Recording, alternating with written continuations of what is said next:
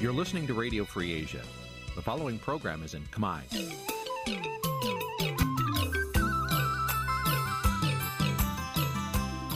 Nǐ chi càm bi tiệp xáy vệt chiu a zì sê ray នេះជាកម្មវិធីផ្សាយរបស់ Vithu Azisari ជាភាសាខ្មែរ វិទ្យុអាស៊ីសេរីសូមស្វាគមន៍លោកអ្នកនាងទាំងអស់ពីរដ្ឋធានី Washington នៃសហរដ្ឋអាមេរិក បាទពីរដ្ឋធានី Washington សហរដ្ឋអាមេរិកខ្ញុំបានមេរិតសូមជម្រាបសួរលោកអ្នកនាងកញ្ញាប្រិមមអ្នកស្ដាប់ Vithu Azisari ទាំងអស់ជាទីមេត្រីយើងខ្ញុំសូមជូនកម្មវិធីផ្សាយសម្រាប់ព្រឹកថ្ងៃច័ន្ទ10រោចខែស្រាប ឆ្នាំខាលចត្វាស័កពុទ្ធសករាជ2566ដែលត្រូវនៅថ្ងៃទី22ខែសីហាគ្រិស្តសករាជ2022បាទជាដំបូងនេះសូមអញ្ជើញលោកនាងកញ្ញាស្ដាប់ព័ត៌មានប្រចាំថ្ងៃដែលមានមេត្តាដូចតទៅ អភិបាលខេត្តព្រះសីហនុប្រាប់អ្នករាយការណ៍ពិសេសអង្គការសហជីវជាតិថាគ្មានករណីចាប់បង្ខាំងមនុស្សខុសច្បាប់នៅតាមទីតាំងអាជីវកម្មមួយចំនួនក្នុងខេត្តព្រះសីហនុនោះទេគណៈបកភ្លើងទៀនរំពឹងថាអ្នករាយការណ៍ពិសេសអង្គការសហជីវជាតិនឹងជួយជំរុញឲ្យមានការបោះឆ្នោតតាមគន្លងប្រជាធិបតេយ្យនៅឆ្នាំ2023ខាងមុខអ្នកវិភាគនយោបាយថា លោកហ៊ុនសែនមានអង្គញាប្រចាំត្រកូល និងអង្គញាអញជួយឯងឯងជួយអញចាំជួយរកស៊ីឲ្យកម្ពុជាត្រៀមប្រមូលកងទ័ពជាង5000នាក់ចូលរួមពិធីបើកនិងបិទកីឡាស៊ីហ្គេមនិងអាស៊ានប៉ារ៉ាហ្គេមនៅពាក់កណ្ដាលឆ្នាំ2023ខាងមុខរួមនឹងព័ត៌មានផ្សេងៗមួយចំនួនទៀតបាទជាបន្តទៅទៀតនេះខ្ញុំបាទមេរិតសូមជូនព័ត៌មានទាំងនេះពិស្ដាបាទលោកនាងកញ្ញាប្រិមម្នាក់ស្ដាប់ជាទីមេត្រី អភិបាលខេត្តព្រះសីហនុបានថ្លែងការពីនិងបដិសេធប្រាប់អ្នករាយការណ៍ពិសេសរបស់អង្គការសហប្រជាជាតិស្ដីពីសិទ្ធិមនុស្សនៅកម្ពុជាថាពុំមានករណីចាប់បង្ខាំងមនុស្សខុសច្បាប់នៅតាមទីតាំងអាជីវកម្មមួយចំនួននៅក្នុងទឹកដីខេត្តព្រះសីហនុដោយដែលសេចក្តីរាយការណ៍មួយចំនួនបានលើកឡើងនោះឡើយ អភិបាលខេត្តព្រះសីហនុលោកគួចចម្រើនថ្លែងយ៉ាងដូចនេះនៅក្នុងជំនួបមួយជាមួយគណៈប្រតិភូអ្នករាយការណ៍ពិសេសរបស់អង្គការសហជីវជាតិស្ដីពីសិទ្ធិមនុស្សនៅកម្ពុជាដឹកនាំដោយលោកវីតិនមុនតាបូនកាលពីថ្ងៃទី19ខែសីហា កិច្ចប្រជុំនេះអ្នករាយការណ៍ពិសេសរបស់អង្គការសហជីវជាតិមានគោលដៅសិក្សាឆ្វេងយល់អំពីកង្វល់និងបញ្ហាប្រឈមនានាដើម្បីដោះស្រាយឲ្យបានទាន់ពេលវេលា ក្នុងនោះមានដូចជាស្ថានភាពសិទ្ធិមនុស្សការបង្ខិតបង្ខំឲ្យប្រព្រឹត្តបទល្មើសការជួញដូរមនុស្សឧក្រិដ្ឋកម្មតាមប្រព័ន្ធអ៊ីនធឺណិតការបោកប្រាស់តាមប្រព័ន្ធអនឡាញនិងស្ថានភាពជនរងគ្រោះដែលត្រូវបានជួយសង្គ្រោះជាដើម ទំព័រ Facebook របស់រដ្ឋបាលខេត្តព្រះសីហនុផ្សាយកាលពីថ្ងៃទី19ខែសីហាឲ្យដឹងថាលោកគួយចម្រើន បានអះអាងថាកម្ពុជាបដិញ្ញាចិត្តខ្ពស់ប្រឆាំងទៅនឹងអំពើទាំងនេះខណៈអាជ្ញាធរខេត្តគ្រប់ជាន់ថ្នាក់មិនដែលគេចវេះពីទួលនីតិរបស់ខ្លួនឡើយពលគឺតែងតែសហការនិងបង្ក្រាបនៅរាល់បទល្មើសដោយគ្មានការបន្ធូរបន្ថយដែរឡើយលោកថា20ឆ្នាំមុន ពលរដ្ឋខ្មែរជាច្រើនអ្នកបានរងគ្រោះនៅអំពើធ្វើទុកបុកម្នេញឬជួញដូរនៅប្រទេសជិតខាង ដូចជានៅថៃម៉ាឡេស៊ីតៃវ៉ាន់និងប្រទេសចិនជាដើម ដែលជាការគួរឲ្យឈឺចាប់ក្នុងនាមជាខ្មែរដូច្នេះលោកគួរចម្រើនអះអាងថាកម្ពុជានឹងមិនអនុញ្ញាតឲ្យមានការឈឺចាប់នេះកើតមានទៀតនោះឡើយអភិបាលខេត្តព្រះសីហនុរូនេះផ្ដល់អំណះអំណាងថា កន្លងទៅមានការលើកឡើងថាមានករណីចាប់បង្ខាំងមនុស្សដោយខុសច្បាប់នៅតាមទីតាំងអាជីវកម្មមួយចំនួនក្នុងខេត្តព្រះសីហនុក៏ប៉ុន្តែពេលសមត្ថកិច្ចចុះទៅដល់លោកថាអ្នកដែលតាំងខ្លួនជាជនរងគ្រោះទាំងនោះកំពុងធ្វើការងារជាធម្មតាហើយអ្នកខ្លះទៀតកំពុងសម្រាកលេងទូរស័ព្ទជាដើម លោកបន្តថាបន្ទាប់ពីសមត្ថកិច្ចសួរនាំពួកគេ គឺពួកគេចង់បដូរកន្លែងការងារធ្វើទើបបានជាប្តឹងសមត្ថកិច្ចថាមានករណីចាប់បង្ខាំងខណៈអ្នកផ្សេងទៀតធ្វើការដោយស្ម័គ្រចិត្តគិតត្រឹមម៉ោងផ្សាយនេះអ្នករាយការណ៍ពិសេសរបស់អង្គការសហជីវជាតិស្ដីពីសិទ្ធិមនុស្សនៅកម្ពុជា លោកវីតិនមុនតបននៅមិនទាន់លើកឡើងពីប្រតិកម្មរបស់លោកពាក់ព័ន្ធនឹងជំនួបនេះនៅឡើយទេខណៈលោកនឹងត្រៀមបញ្ចេញរបាយការណ៍បឋមពីការរកឃើញរបស់លោក នៅថ្ងៃចុងក្រោយនៃបេសកកម្មការងាររយៈពេល11ថ្ងៃនៅកម្ពុជា គឺនៅថ្ងៃទី26ខែសីហាខាងមុខនេះមិនមែនមានតែអភិបាលខេត្តព្រះសីហនុនេះទេ ដែលបដិសេធនឹងបញ្ហាបង្ខាំងមនុស្សខុសច្បាប់បញ្ហានៃការជួញដូរមនុស្សឧក្រិដ្ឋកម្មតាមប្រព័ន្ធអ៊ីនធឺណិតនិងការបោកប្រាស់តាមប្រព័ន្ធអនឡាញដែលសេចក្តីរាយការណ៍នានាសុទ្ធតែបង្ហាញថាភាគច្រើនប្រព្រឹត្តដោយថៅកែជាជនជាតិចិន និងម្ចាស់បនលបែងកាស៊ីណូចិននៅកម្ពុជានោះ អ្នកនាំពាក្យក្រសួងមហាផ្ទៃលោកខៀវសុភ័ក្រធ្លាប់ប្រាប់វិសុយស៊ីស្រីកាលពីពេលថ្មីៗនេះថាការផ្សព្វផ្សាយរបស់ស្ថាប័នសារព័ត៌មានអន្តរជាតិមួយចំនួន ដែលនិយាយអំពីក្រមមន្ត្រី និងអង្គការដែលស្និទ្ធនឹងលោកនាយរដ្ឋមន្ត្រីហ៊ុនសែនថាមានជាប់ពាក់ព័ន្ធជាមួយនឹងជនជាតិចិនធ្វើចំនួនជួញដូរមនុស្សនៅកម្ពុជាឬកំពុងប្រតិបត្តិការក្រុមហ៊ុនឆបោកទ្រង់ទ្រាយធំតាមប្រព័ន្ធអ៊ីនធឺណិតនៅកម្ពុជា គឺជារឿងបំភ្លៃខុសពីការពិត និងមានចេតនាអាក្រក់មកលើកម្ពុជា ដើម្បីឲ្យពិភពលោកមើលឃើញថាកម្ពុជាជាប្រទេសមួយដែលមានកេរ្តិ៍ឈ្មោះមិនល្អតែប៉ុណ្ណោះផ្ទុយពីការអះអាងទាំងនេះរឿងរ៉ាវដែលថាកម្ពុជាកំពុងតែត្រូវបានប្រែក្លាយជាមជ្ឈមណ្ឌលសម្រាប់ក្រុមអ ுக ្រិតជនជនជាតិចិនរកស៊ីប្រតិបត្តិការឆបោកទ្រង់ទ្រាយធំតាមប្រព័ន្ធអ៊ីនធឺណិត កំពុងតែក្លាយជាប្រធានបទស្ទើរតែប្រចាំថ្ងៃទៅហើយដែលត្រូវបានសារព័ត៌មានអន្តរជាតិធំៗយកមកចុះផ្សាយនៅលើទំព័រមុខធ្វើឲ្យកក្រៅពិភពលោកគណៈរដ្ឋាភិបាលបរទេសពាក់ព័ន្ធបន្តលើកឡើងពីកង្វល់ទាំងនេះប្រាប់ទៅភាគីកម្ពុជាឲ្យដោះស្រាយ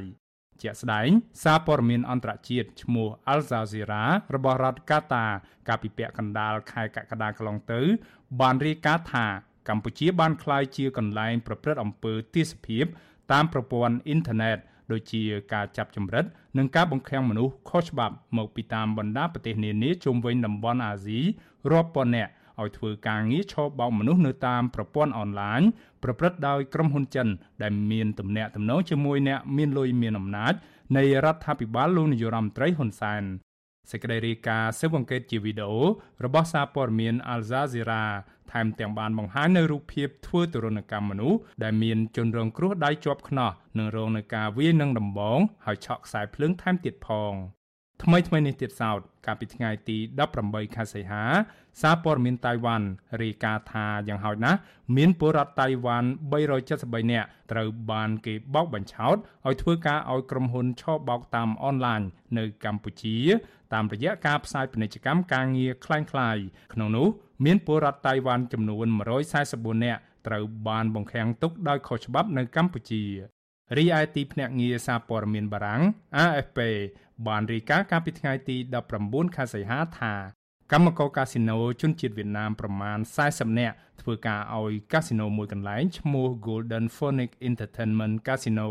ស្ថិតនៅឃុំជ្រៃធំស្រុកកោះធំខេត្តកណ្ដាល ត្រូវបានគេបង្ខំឲ្យធ្វើការដោយពំបើកប្រាក់ឈ្នួលហើយពួកគេបានសម្រុករត់គេចចេញពីទីតាំងកាស៊ីណូនោះដោយបានលូតចូលទៅក្នុងទឹកទន្លេរួចឆ្លងទៅត្រើយម្ខាងទៀតនៃប្រទេសវៀតណាមនៅឯកិច្ចប្រជុំថ្នាក់រដ្ឋមន្ត្រីការបរទេសអាស៊ាន កាលពីដើមខែសីហាកន្លងទៅនេះរដ្ឋមន្ត្រីការបរទេសឥណ្ឌូនេស៊ីអ្នកស្រី Retno Marsudi ក៏បានលើកឡើងពីកង្វល់របស់ប្រទេសឥណ្ឌូនេស៊ី ជុំវិញបញ្ហានេះទៅកាន់រដ្ឋមន្ត្រីការបរទេសកម្ពុជា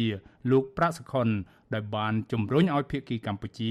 ផ្ដល់កិច្ចសហប្រតិបត្តិការប្រឆាំងនឹងអំពើជួញដូរមនុស្សនេះក្រោយពីពលរដ្ឋឥណ្ឌូនេស៊ីប្រមាណ60នាក់ត្រូវបានបង្ខាំងទុកដោយខុសច្បាប់ដោយក្រុមហ៊ុនឆបោកអនឡាញមួយនៅខេត្តព្រះសីហនុ ហើយក្រោយមកត្រូវបានអាជ្ញាធរកម្ពុជាជួយសង្គ្រោះរួចបញ្ជូនពួកគេត្រឡប់ទៅកាន់ប្រទេសឥណ្ឌូនេស៊ីវិញគណៈព័ត៌មានទាំងនេះត្រូវបានអាជ្ញាធរកម្ពុជាព្យាយាមបិទបាំងសារព័ត៌មានឥណ្ឌូនេស៊ីរាយការណ៍កាលពីថ្ងៃទី6ខែសីហាថាបាយតាមទិន្នន័យពីអគ្គនាយកដ្ឋានគាំពៀពលរដ្ឋឥណ្ឌូនេស៊ីយ៉ាងហោចណាស់មានជនជាតិឥណ្ឌូនេស៊ីជិត300នាក់បានធ្លាក់ខ្លួនក្លាយជាជនរងគ្រោះនៃអំពើឆបោក និងអំពើជួញដូរមនុស្សនៅកម្ពុជាគិតត្រឹមខែកក្កដាដែលចំនួននេះកើនឡើងពីចំនួនពលរដ្ឋរងគ្រោះឥណ្ឌូនេស៊ីសរុបចំនួន119នាក់កាលពីឆ្នាំ2021កន្លងទៅក្រៅពីករណីជនជាតិឥណ្ឌូនេស៊ីវៀតណាមនិងតៃវ៉ាន់ដែលបានរងគ្រោះដោយក្រុមហ៊ុនឆបោកអនឡាញរបស់ចិននៅកម្ពុជានេះ ក៏មានសេចក្តីរាយការណ៍ជាច្រើនទៀតពាក់ព័ន្ធទៅនឹងជនរងគ្រោះជាជនជាតិថៃម៉ាឡេស៊ីហ្វីលីពីននិងជនជាតិអាហ្វ្រិកមួយចំនួនទៀតផងដែរដែលបានរងគ្រោះនៅក្នុងរឿងរ៉ាវស្រដៀងគ្នានេះនៅកម្ពុជារបាយការណ៍ស្តីពីការជួញដូរមនុស្សឆ្នាំ2022របស់ក្រសួងការបរទេសអាមេរិកចេញផ្សាយកាលពីថ្ងៃទី19ខែកក្កដាបានទម្លាក់ចំណាត់ថ្នាក់កម្ពុជាមកកម្រិតទី3អាក្រក់បំផុតពុំធ្លាប់មានតាំងពីឆ្នាំ2015មក និងក្រោយពេលដែលកម្ពុជាស្ថិតនៅក្នុងចំណាត់ថ្នាក់កម្រិតទី2ក្រោមការឃ្លាំមើលអស់រយៈពេល3ឆ្នាំជាប់ជាប់គ្នាចាប់តាំងពីឆ្នាំ2019មករបាយការណ៍លើកឡើងថារដ្ឋាភិបាលកម្ពុជាពុំបានគ្រប់តាមពេញលេញនៅស្តង់ដារអបបរមា ដើម្បីលុបបំបាត់នៅអំពើជួញដូរមនុស្សនិងពុំបានខិតខំប្រឹងប្រែងគួរឲ្យកត់សម្គាល់នៅក្នុងការប្រយុទ្ធប្រឆាំងនឹងអំពើជួញដូរមនុស្សឡើយ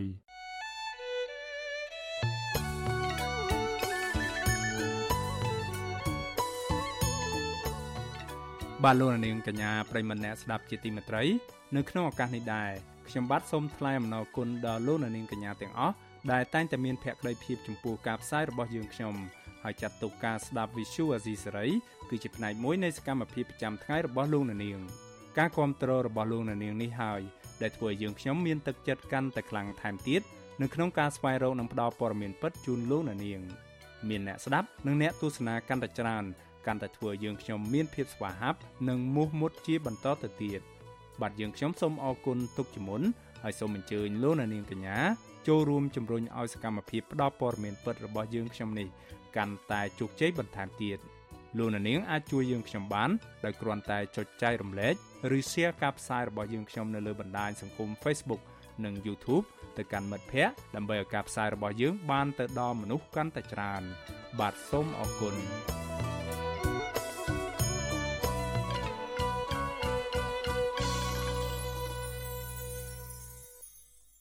បាឡូណានាងកញ្ញាប្រិមម្នាក់ស្ដាប់ជាទីមេត្រីរឿងដាច់ដライមួយទៀតគណៈបកភ្លើងទៀនរំពឹងថាអ្នករាយការណ៍ពិសេសរបស់អង្គការសហប្រជាជាតិនឹងជួយជំរុញឲ្យមានការបោះឆ្នោតតាមគន្លងប្រជាធិបតេយ្យសម្រាប់ការបោះឆ្នោតជាតិនៅឆ្នាំ2023ខាងមុខនេះ ក្តីរំពឹងនេះកើតមានឡើងបន្ទាប់ពីមន្ត្រីគណៈបកភ្លើងទៀន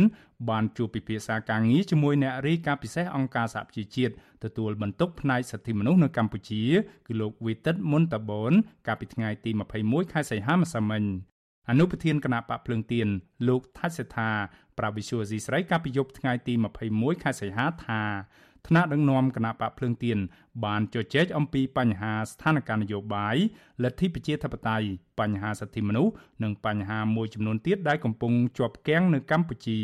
ក្នុងនោះកិច្ចពិភាក្សាបានផ្ដោតលើបញ្ហាសំខាន់សំខាន់ទាក់ទងទៅនឹងការបោះឆ្នោតក្រុមប្រឹក្សាឃុំសង្កាត់នាពេលកន្លងទៅ លោកថាច់សេថារំពឹងថារដ្ឋាភិបាលលោកនាយរដ្ឋមន្ត្រីហ៊ុនសែននឹងងាកមកដើរតាមគន្លងប្រជាធិបតេយ្យបញ្ឈប់ការធ្វើទុកបុកម្នេញមកលើក្រុមបកប្រឆាំងឬអ្នកហ៊ានចេញមុខតវ៉ា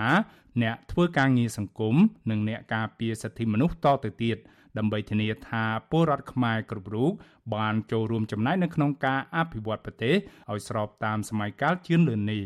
ដែលខ្ញុំសង្ឃឹមថាបើយើងគិតពីផលប្រយោជន៍ជាតិយើងគួរតែយក មតិរិះគន់ទាំងអស់នោះគេលើកឡើងទាំងអស់នោះមកកែតម្រូវទៅពីព្រោះបានផលប្រយោជន៍ដល់ជាតិរបស់ខ្លួនឯងទេ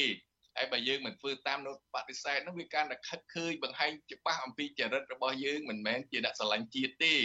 អឺហើយដល់គេថារបបផ្ដាច់ការឯនោះខឹងក៏ខឹងអីគេ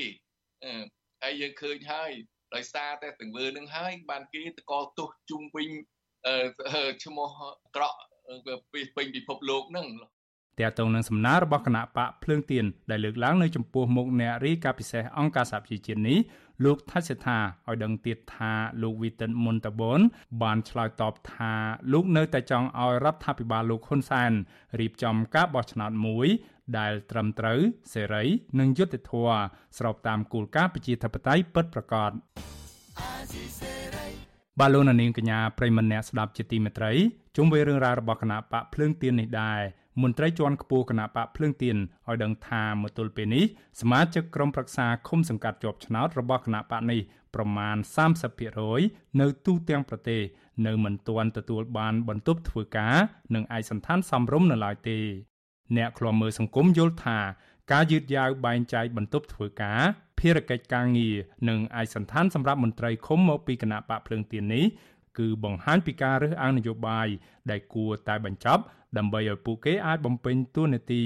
បម្រើសេវាកម្មជូនប្រជាពលរដ្ឋនៅតាមមូលដ្ឋានឲ្យបានពេញលេញបាទពីទីក្រុងមែលប៊ននៃប្រទេសអូស្ត្រាលី លោកថាថៃរាយការណ៍ព័ត៌មាននេះបើទោះបីជាក្រសួងមហាផ្ទៃបានប្រកាសឲ្យក្រុមប្រឹក្សាគុំសង្កាត់ជាប់ឆ្នោតមកពីគណៈបកទាំងអស់ជួលកាត់តំណែងជិត2ខែហើយក្តីក៏មកទល់ពេលនេះក្រុមមន្ត្រីគុំសង្កាត់មកពីគណៈបកភ្លឹងទៀនប្រមាណ30%ទៀតនៅមិនទាន់ទទួលបានបន្ទប់ធ្វើការងារសមរម្យនិងឯកសន្តាននោះទេ នេះបើតាមការអះអាងរបស់អនុប្រធាននិងជាអ្នកនាំពាក្យគណៈបកភ្លឹងទៀនលោកថៃសិដ្ឋានៅថ្ងៃទី21ខែសីហាលោកថៃសិដ្ឋាលើកឡើងថាគុំសង្កាត់នៅតំបន់មួយចំនួនដែលមានការយល់ដឹងខ្ពស់បានរៀបចំបែងចែកបន្ទប់ធ្វើការនិងឯកសន្តានបានត្រឹមត្រូវប៉ុន្តែឃុំសង្កាត់នៅតាមខេត្តខ្លះខ្វះការយល់ដឹងនោះនៅតែមិនទាន់បែងចែកត្រឹមត្រូវនោះឡើយ លោកយល់ថាករណីនេះគឺជាការរើសអើងនយោបាយឃុំមួយចំនួនសង្កាត់មួយចំនួនមិនក៏ធ្វើកើតតែមួយចំនួនធ្វើអត់កើតដោយយល់ហេតុផលចេះចោះចេះចោះណាដូច្នេះយើងឃើញថាវាជាហេតុផលនយោបាយព្រោះពេលដែលគណៈបកភ្លើង ទានចូលទៅធ្វើការហ្នឹងយើងបំពេញទូនីតិមួយចំនួនឃើញថាវាល្អជាងមេឃុំចៅសកាត់ហ្នឹងផងដូចជាការដោះស្រាយបញ្ហាទំនាស់សម្របសម្រួលក្រៅប្រព័ន្ធតុលាការអីចឹងពួកយើងទៅទីមួយយើងអត់យកលុយហើយទីពីរយើងហៅមកសម្របសម្រួលហាក់ដូចជាស្រស់ស្រួលស្ដាប់គ្នាបានវាជោគជ័យច្រើនកន្លែងយ៉ាងនេះឃើញបែបហ្នឹងទៅមេឃុំចៅសង្កាត់ខ្លះហ្នឹងគាត់ខ្លាចបាត់ប្រជាប្រិយភាពគាត់គាត់អាចយកការងារហ្នឹងមកធ្វើវិញអីចឹងទៀតមានអញ្ចឹងទៀត លោកឲ្យដឹងទៀតថាប្រសិនបើអាជ្ញាធរខេត្តមួយចំនួននៅតែពន្យាពេលបែងចែកបន្ទប់ធ្វើការភារកិច្ចការងារនិងឯកសន្តានជាដើមនោះ បាក់ភ្លឹងទីនឹងដាក់លិខិតសុំអន្តរាគមន៍ទៅក្រសួងមហាផ្ទៃឲ្យដោះស្រាយរឿងនេះដើម្បីកុំឲ្យប៉ះពាល់ដល់ការបំពេញការងារនិងទូនាទីរបស់មន្ត្រីឃុំនៃគណៈបកភ្លឹងទៀនវាប៉ះពាល់ដោយសារនៅពេលដែលមិនបានបែងចែកការងារអញ្ចឹងទៅពួកគាត់ត្រូវទៅទប់ទី2អីហើយអត់មានកន្លែងធ្វើការហើយអត់មានផ្ដល់ទូនាទីក្នុងការសម្របសម្រួលដំណោះស្រាយបញ្ហាផ្សេងផ្សេងអញ្ចឹងអញ្ចឹងវាអាចធ្វើឲ្យការដែលយើងចូលរួមក្នុងការអភិវឌ្ឍគុំសង្កាត់ហ្នឹងគឺវាមិនបានប្រព្រឹត្តទៅដោយរលូនល្អទេអាហ្នឹងដែលធ្វើឲ្យមានបញ្ហាផងដែរហើយពួកយើងនៅរងចាំតែដែលបានចូលទៅធ្វើការយើងនឹងបំពេញតួនាទីនឹងឲ្យវាសមស្របទៅតាមគោលនយោបាយរបស់យើងកាលពីពេលថ្មីថ្មីនេះគណៈបកភ្លឹងទៀនខេត្តកំពង់ធំនិងខេត្តព្រះវិហារបានដាក់លិខិតទៅរដ្ឋបាលខេត្តទាំងពីរដើម្បីឲ្យជួយអន្តរាគមន៍ករណីមេឃុំគណៈបកប្រជាជនកម្ពុជាមិនព្រមបែងចែកបន្ទប់ធ្វើការភារកិច្ចការងារនិងឯកសន្តាន សម្រាប់មន្ត្រីឃុំមកពីគណៈបកភ្លឹងទៀនដែលសរុបជាង80ឃុំទោះជាយ៉ាងណាលោកថៃសិដ្ឋាឲ្យដឹងថាមកទល់ពេលនេះមានឃុំតិចតួចប៉ុណ្ណោះដែលបានដោះស្រាយតាមសំណើជុំវិញរឿងនេះវិទ្យុអាស៊ីសេរីមិនអាចសុំការបញ្ជាក់ពីអ្នកនាំពាក្យក្រសួងមហាផ្ទៃលោកខៀវសុភ័ក្រនិងអ្នកនាំពាក្យគណៈបកប្រជាជនកម្ពុជាលោកសុកអេសានបានទេនៅថ្ងៃទី21សីហាសមាជិកក្រុមប្រឹក្សាឃ្លាំមើលកម្ពុជានិងជាអតីតសមាជិកកោជបលោករងឈុនមានប្រសាសន៍ថា ករណីមន្ត្រីឃុំសង្កាត់មកពីគណៈបកភ្លឹងទៀនជួបបញ្ហាលំបាកក្នុងការបំពេញទូនាទីភារកិច្ចការងារទៅតាមច្បាប់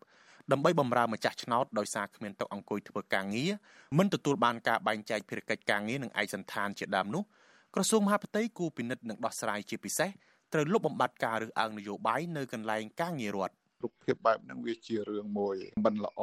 ហើយបង្ហាញអំពីការរើសអើងគ្នាអញ្ចឹងក្នុងនាមថាជាខ្មែរដូចគ្នាគួរតែយើងត្រូវថាបញ្ចប់ទៅកុំឲ្យមានបញ្ហាអញ្ចឹងចឹងកើតឡើងបន្តទៀតបាទ ធម្មតានៅពេលដែលមិនចុះសម្រុងគ្នាវាប៉ះពាល់ទៅដល់ម្ចាស់ឆ្នោតហើយដូចជាប្រជាពលរដ្ឋដែលគាត់ត្រូវមកពឹងពាក់លិខិតស្នាមក៏ដូចជាថ្នាក់ដំណើរការការអភិវឌ្ឍនៅក្នុងមូលដ្ឋានរបស់ខ្លួនហ្នឹងហើយវានឹងមានផលប៉ះពាល់ហើយករណីគណៈបកប្រជាជនកម្ពុជារើសអើងនឹងបង្កការលំបាកដល់សមាជិកក្រុមប្រឹក្សាគុំសង្កាត់របស់គណៈបកប្រឆាំងនេះមិនមែនជារឿងថ្មីនោះទេ កាលពីឆ្នាំ2017មេឃុំនឹងចៅសង្កាត់មួយចំនួនរបស់គណៈបកកណ្ដាលអំណាចថែមទាំងរុះរើតុកទូកៅអីពីសាលាឃុំសង្កាត់ទៅទុកនៅផ្ទះទៀតផងនៅពេលពួកគេចាញ់ឆ្នោតលើសពីនេះមិនបានប៉ុន្មានគណៈបកប្រជាជនកម្ពុជាក៏បានប្លន់យកអាសនៈរបស់គណៈបកសង្គ្រោះជាតិនៅថ្នាក់មូលដ្ឋានត្រឡប់ទៅគ្រប់គ្រងវិញក្រោយរំលាយគណៈបកប្រឆាំងដ៏ធំមួយនេះ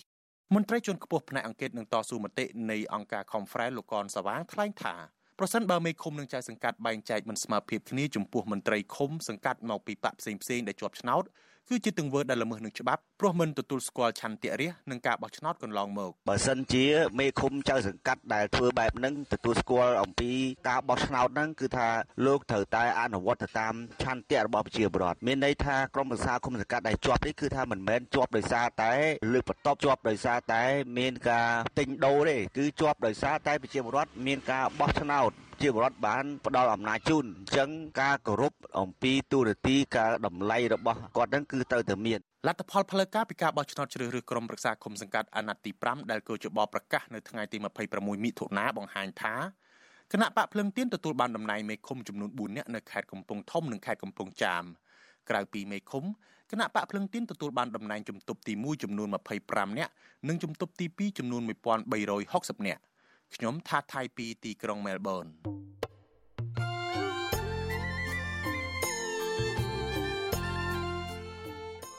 បាទលោកនាងប្រិមម្នាក់ស្ដាប់ជាទីមេត្រីដំណើរគ្នានឹងស្ដាប់ការផ្សាយរបស់ Visual Asia សេរីតាមបណ្ដាញសង្គម Facebook និង YouTube លោកអ្នកនាងក៏អាចស្ដាប់កម្មវិធីផ្សាយរបស់ Visual Asia សេរីតាមរលកធារកាសខ្លីឬ Shortwave តាមកម្រិតនិងកម្ពស់ដូចតទៅនេះ ពេលព្រឹកចាប់ពីម៉ោង5កន្លះដល់ម៉ោង6កន្លះតាមរយៈរលកធារកាសខ្លី12140 kHz ស្មើនឹងកម្ពស់ 25m និង13715 kHz ស្មើនឹងកម្ពស់ 22m ពេលយប់ចាប់ពីម៉ោង7កន្លះដល់ម៉ោង8កន្លះតាមរយៈរលកធារកាសខ្លី9960 kHz ស្មើនឹងកម្ពស់ 30m 12140 kHz ស្មើនឹងកម្ពស់ 25m និង11885 kHz ស្មើនឹងកម្ពស់ 25m បាទសូមអរគុណ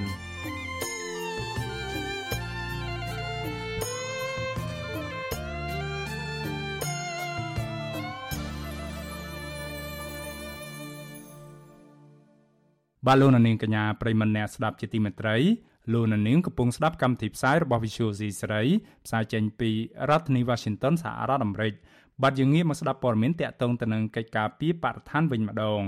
សកម្មជនចលនាមេដាធម្មជាតិក្រុងដាក់ញត្តិទៅក្រសួងបរិស្ថាន នៅថ្ងៃទី23ខែសីហាស្អែកនេះដើម្បីស្នើសុំឲ្យរដ្ឋាភិបាលដកហូតកោះកុងក្រៅដាក់មកជាទ្រព្យសម្បត្តិរបស់រដ្ឋវិញមន្ត្រីអង្គការសង្គមស៊ីវិលយល់ឃើញថា សកម្មភាពរបស់យុវជនចលនាមេដាធម្មជាតិនេះគឺជាការបំពេញកាតព្វកិច្ចនៅក្នុងនាមជាពលរដ្ឋសកម្មដើម្បីជួយថែរក្សាធនធានធម្មជាតិនៅកម្ពុជា បាទលោកជីវតារីកាព័រមេនីសកម្មជនចលនាមេដាធម្មជាតិកញ្ញាភួនកែវរស្មីប្រាប់វិទ្យុអាស៊ីសេរីថាក្រមយុវជនចលនាមេដាធម្មជាតិកំពុងប្រមូលមេដាយគាំទ្រពីប្រជាពលរដ្ឋដើម្បីដាក់ញត្តិទៅក្រសួងបរិស្ថាន ស្នើសុំឲ្យក្រសួងនេះបង្ហាញលទ្ធផលពីការសិក្សាស្រាវជ្រាវនៅតំបន់កោះកុងក្រៅនិងធ្វើបច្ចុប្បន្នភាពអំពីដំណើរការនៃការដាក់កោះកុងក្រៅទៅជាឧទ្យានជាតិសមុទ្រវិញកញ្ញាភួនកៅរស្មីបន្ថែមថាយុវជននិងប្រជាពលរដ្ឋទូទៅមិនចង់ឃើញកោះកុងក្រៅត្រូវបានគ្រប់គ្រងដោយក្រុមហ៊ុនកោះកុង SEZ របស់អុកញ៉ាលីយ៉ុងផាត់ឡើយហើយគោលបំណងក្នុងការដាក់ញត្តិនេះក៏ចង់ជំរុញឲ្យក្រសួងបរិស្ថាន ដាក់កោះកុងក្រៅទៅជាឧទ្យានជាតិសមុទ្រដោយដែលក្រសួងធ្លាប់បានលើកឡើង កាលពីខែមិថុនាឆ្នាំ2020ដែរកញ្ញាភូនកែវរស្មីក៏សំណូមពរដល់ប្រជាពលរដ្ឋឲ្យគ្រប់គ្រងនិងក្លាហានក្នុងការបញ្ចេញមតិគ្រប់គ្រងយុទ្ធនាការសង្គ្រោះកោះកុងក្រៅនេះដែរអញ្ចឹងខ្ញុំសង្ឃឹមថាហើយនឹងជឿជាក់យ៉ាងមុតមមថាកោះកុងក្រៅ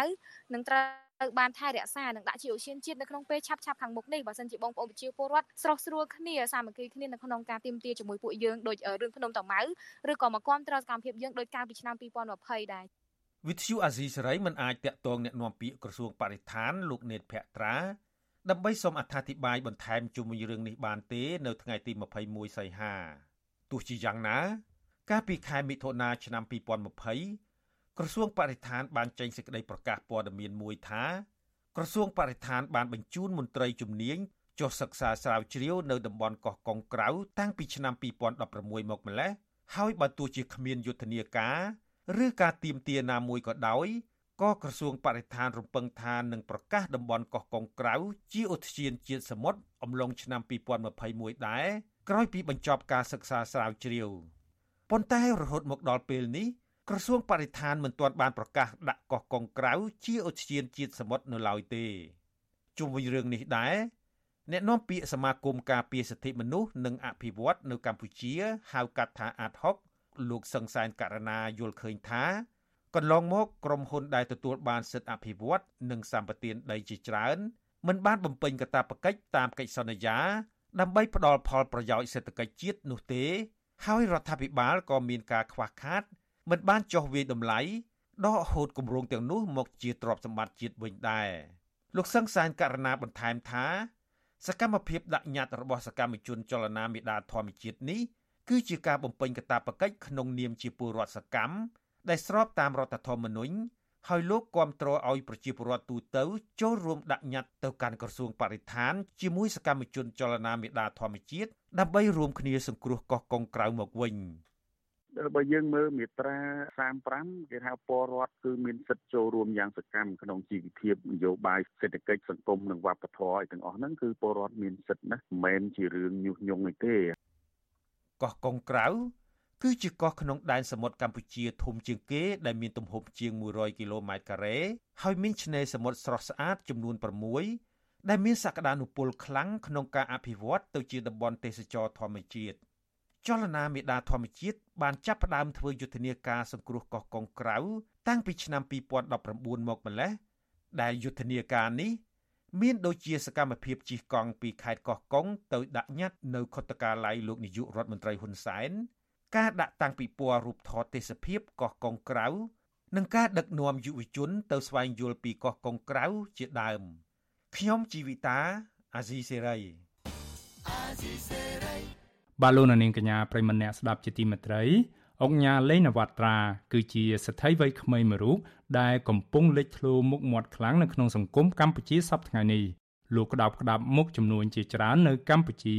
រាប់ចាប់តាំងពីវិស័យអចលនទ្រព្យហិរញ្ញវត្ថុធនាគារកសិកម្មរហូតដល់វិស័យសិល្បៈជាដើមពិសេសជាងនេះទៅទៀតលោកផ្ដល់លុយឲ្យរដ្ឋាភិបាលរបស់លោកហ៊ុនសែនរាប់លានដុល្លារនៅក្នុងរយៈពេលប្រមាណឆ្នាំចុងក្រោយនេះ តើលោកលេងនវត្រាមានប្រវត្តិយ៉ាងដូចម្តេចខ្លះហើយធ្វើជំនួយអ្វីខ្លះទើបបានជាមានលុយវ៉ាល់លានដុល្លារកាន់នៅក្នុងដៃបែបនេះទន្ទឹមគ្នានេះអ្នកវិភាគនយោបាយដែលធ្លាប់ជាអតីតជំនួយការផ្ទាល់របស់លោកហ៊ុនសែនលើកឡើងថានៅក្បែរខ្លួនហែហោមលោកហ៊ុនសែនមានអង្គញាពីរប្រភេទធំធំ គឺអង្គញាប្រចាំតកូល និងអង្គញាអញជួយឯងនិងឯងជួយអញបើតាមទស្សនៈរបស់បណ្ឌិតសូណារ៉ូ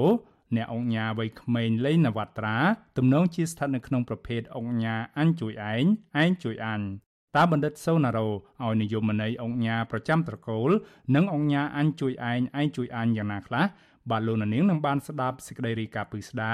និងបទសម្ភាសជុំវិញរឿងរ៉ាវទាំងនេះនាពេលបន្តិចទៀតនេះបាទសូមអរគុណបាទលោកនាងកញ្ញាប្រិមម្នាក់ស្ដាប់ជាទីមេត្រី ពាក់ព័ន្ធនឹងរឿងរ៉ាវដែលកម្ពុជានឹងត្រៀមធ្វើជាម្ចាស់ផ្ទះរៀបចំកីឡា SEA Games និង ASEAN Para Games នៅពាក់កណ្ដាលឆ្នាំ2023វិញម្ដងបាទកម្ពុជាត្រៀមប្រមូលកងទ័ពជាង5000នាក់ចូលរួមនៅក្នុងពិធីបើក និងពិធីបិទកីឡា SEA Games និង ASEAN Para Games ដែលនឹងប្រព្រឹត្តទៅនាពាក់កណ្ដាលឆ្នាំ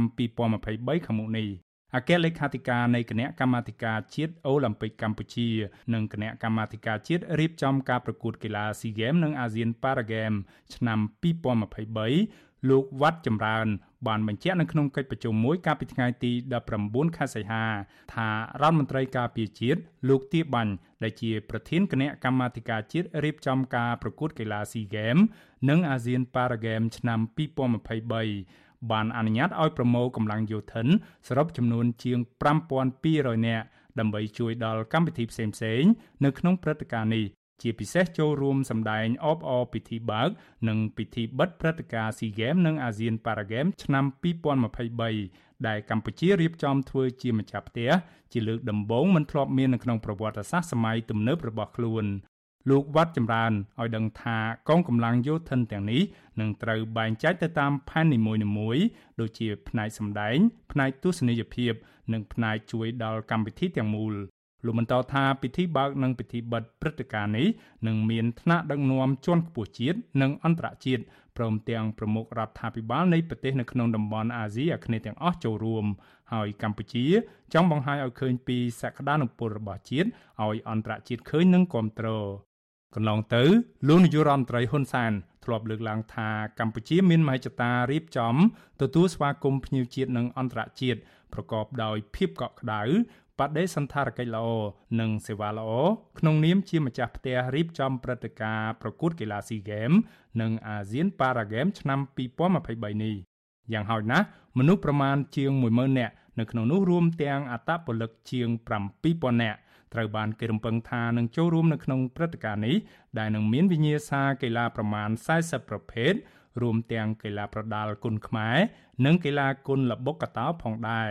ដែលនឹងប្រព្រឹត្តទៅនៅទីតាំងចំនួន5នៅក្នុងនោះរួមមានរាជធានីភ្នំពេញខេត្តសៀមរាបខេត្តព្រះសីហនុកំពតនិងខេត្តកែប កម្ពុជានឹងធ្វើជាម្ចាស់ផ្ទះរៀបចំកីឡាថ្នាក់តំបន់អាស៊ីអាគ្នេយ៍ឬហៅកាត់ថា SEA Games លើកទី32ជាលើកដំបូងក្នុងរយៈពេល64ឆ្នាំ ដែលនឹងប្រព្រឹត្តទៅចាប់ពីថ្ងៃទី5ដល់ថ្ងៃទី17ខែឧសភាឆ្នាំ2023ហើយនឹងបន្តធ្វើជាម្ចាស់ផ្ទះរៀបចំការប្រកួតកីឡាអាស៊ានប៉ារ៉ាហ្គេមលើកទី12ចាប់ពីថ្ងៃទី3ដល់ថ្ងៃទី9ខែមិថុនាឆ្នាំ2023